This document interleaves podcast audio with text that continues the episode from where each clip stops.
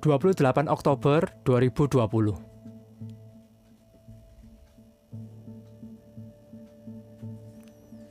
Lexio Divina Galatia 3 ayat 15 sampai 29 Saudara-saudara, baiklah aku pergunakan suatu contoh dari hidup sehari-hari. Suatu wasiat yang telah disahkan, sekalipun ia dari manusia, tidak dapat dibatalkan atau ditambahi oleh seorang pun Adapun Abraham diucapkan segala janji itu dan kepada keturunannya.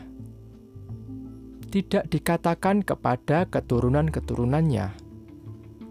Seolah-olah dimaksud banyak orang, tapi hanya satu orang.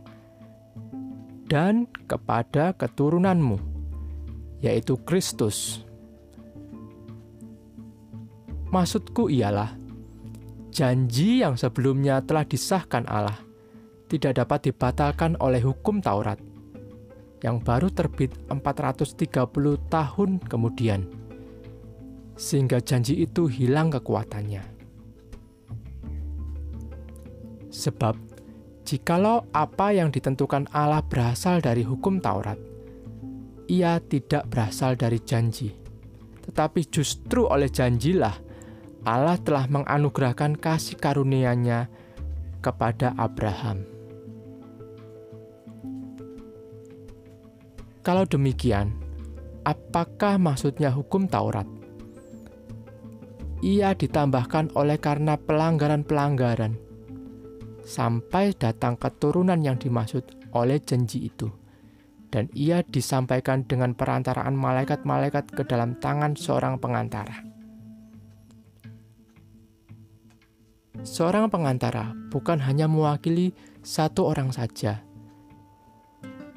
sedangkan Allah adalah satu. Kalau demikian, bertentangkankah hukum Taurat dengan janji-janji Allah? Sekali-kali tidak. Sebab andai kata hukum Taurat diberikan sebagai suatu yang dapat menghidupkan, maka memang kebenaran berasal dari hukum Taurat. Tetapi kitab suci telah mengurung segala sesuatu di bawah kekuasaan dosa Sebab oleh karena iman dalam Yesus Kristus, janji itu diberikan kepada mereka yang percaya. Sebelum iman itu datang, kita berada di bawah pengawalan hukum Taurat dan dikurung sampai iman itu telah dinyatakan. Jadi, hukum Taurat adalah penuntun bagi kita sampai Kristus datang, supaya kita dibenarkan karena iman. Sekarang iman itu telah datang. Karena itu, kita tidak berada lagi di bawah pengawasan penuntun. Sebab kamu semua adalah anak-anak Allah karena iman di dalam Yesus Kristus.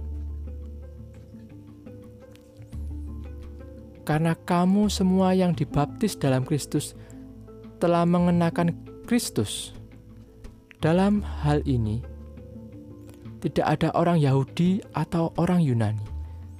Tidak ada hamba atau orang merdeka. Tidak ada laki-laki atau perempuan.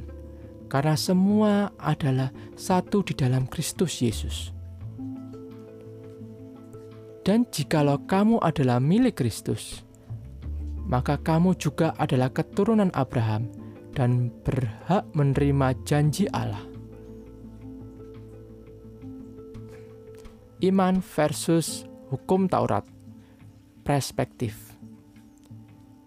Jadi hukum Taurat adalah penuntun bagi kita sampai Kristus datang, supaya kita dibenarkan karena iman. Galatia 3 ayat 24. Ketika memanggil Abraham, Tuhan memberikan janji bahwa melalui dia dan keturunannya, Tuhan akan memberkati banyak bangsa ini adalah sebuah janji mesianik. Sebab keturunan Abraham yang dimaksud merujuk kepada Kristus. Namun hal ini disalahartikan oleh guru-guru Yahudi. Mereka berpendapat bahwa setiap orang yang mau menjadi warga kerajaan mesianik harus menjadi keturunan Abraham melalui sunat dan menanti Taurat. Oleh karena itu, Paulus menentang pandangan ini dan menyadarkan jemaat Galatia bahwa untuk menjadi warga kerajaan mesianik tidak berdasarkan ketaatan pada hukum Taurat. Sebab Abraham sendiri dibenarkan bukan karena ketaatannya akan hukum Taurat, tetapi karena imannya kepada Tuhan.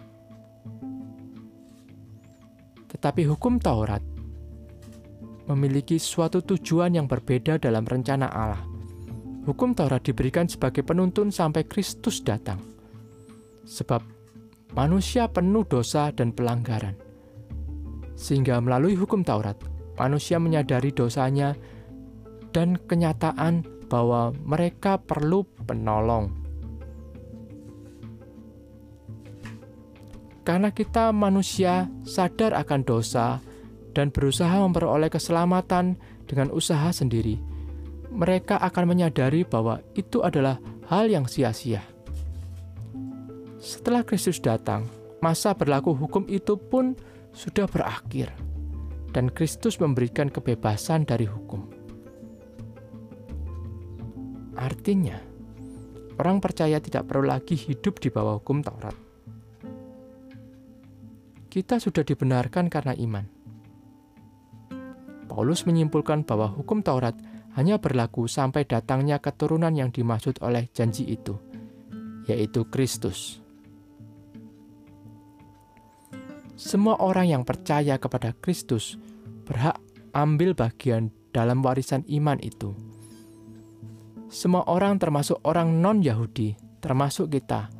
Hal itu membuat status permanen kita sebagai anak-anak Tuhan. Kita tidak perlu mengusahakan keselamatan kita dengan mentaati hukum Taurat. Karena hanya melalui iman kepada Kristus, kita sudah menerima warisan janji Tuhan kepada Abraham. Karena berkat yang diberikan kepada Abraham menjadi milik semua orang yang percaya kepada Tuhan.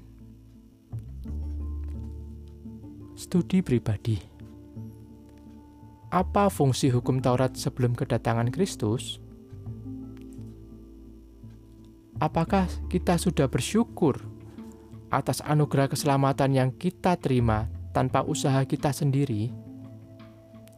Pokok doa: bersyukur karena kita sudah menerima anugerah keselamatan tanpa harus mengikuti semua tuntunan hukum Taurat.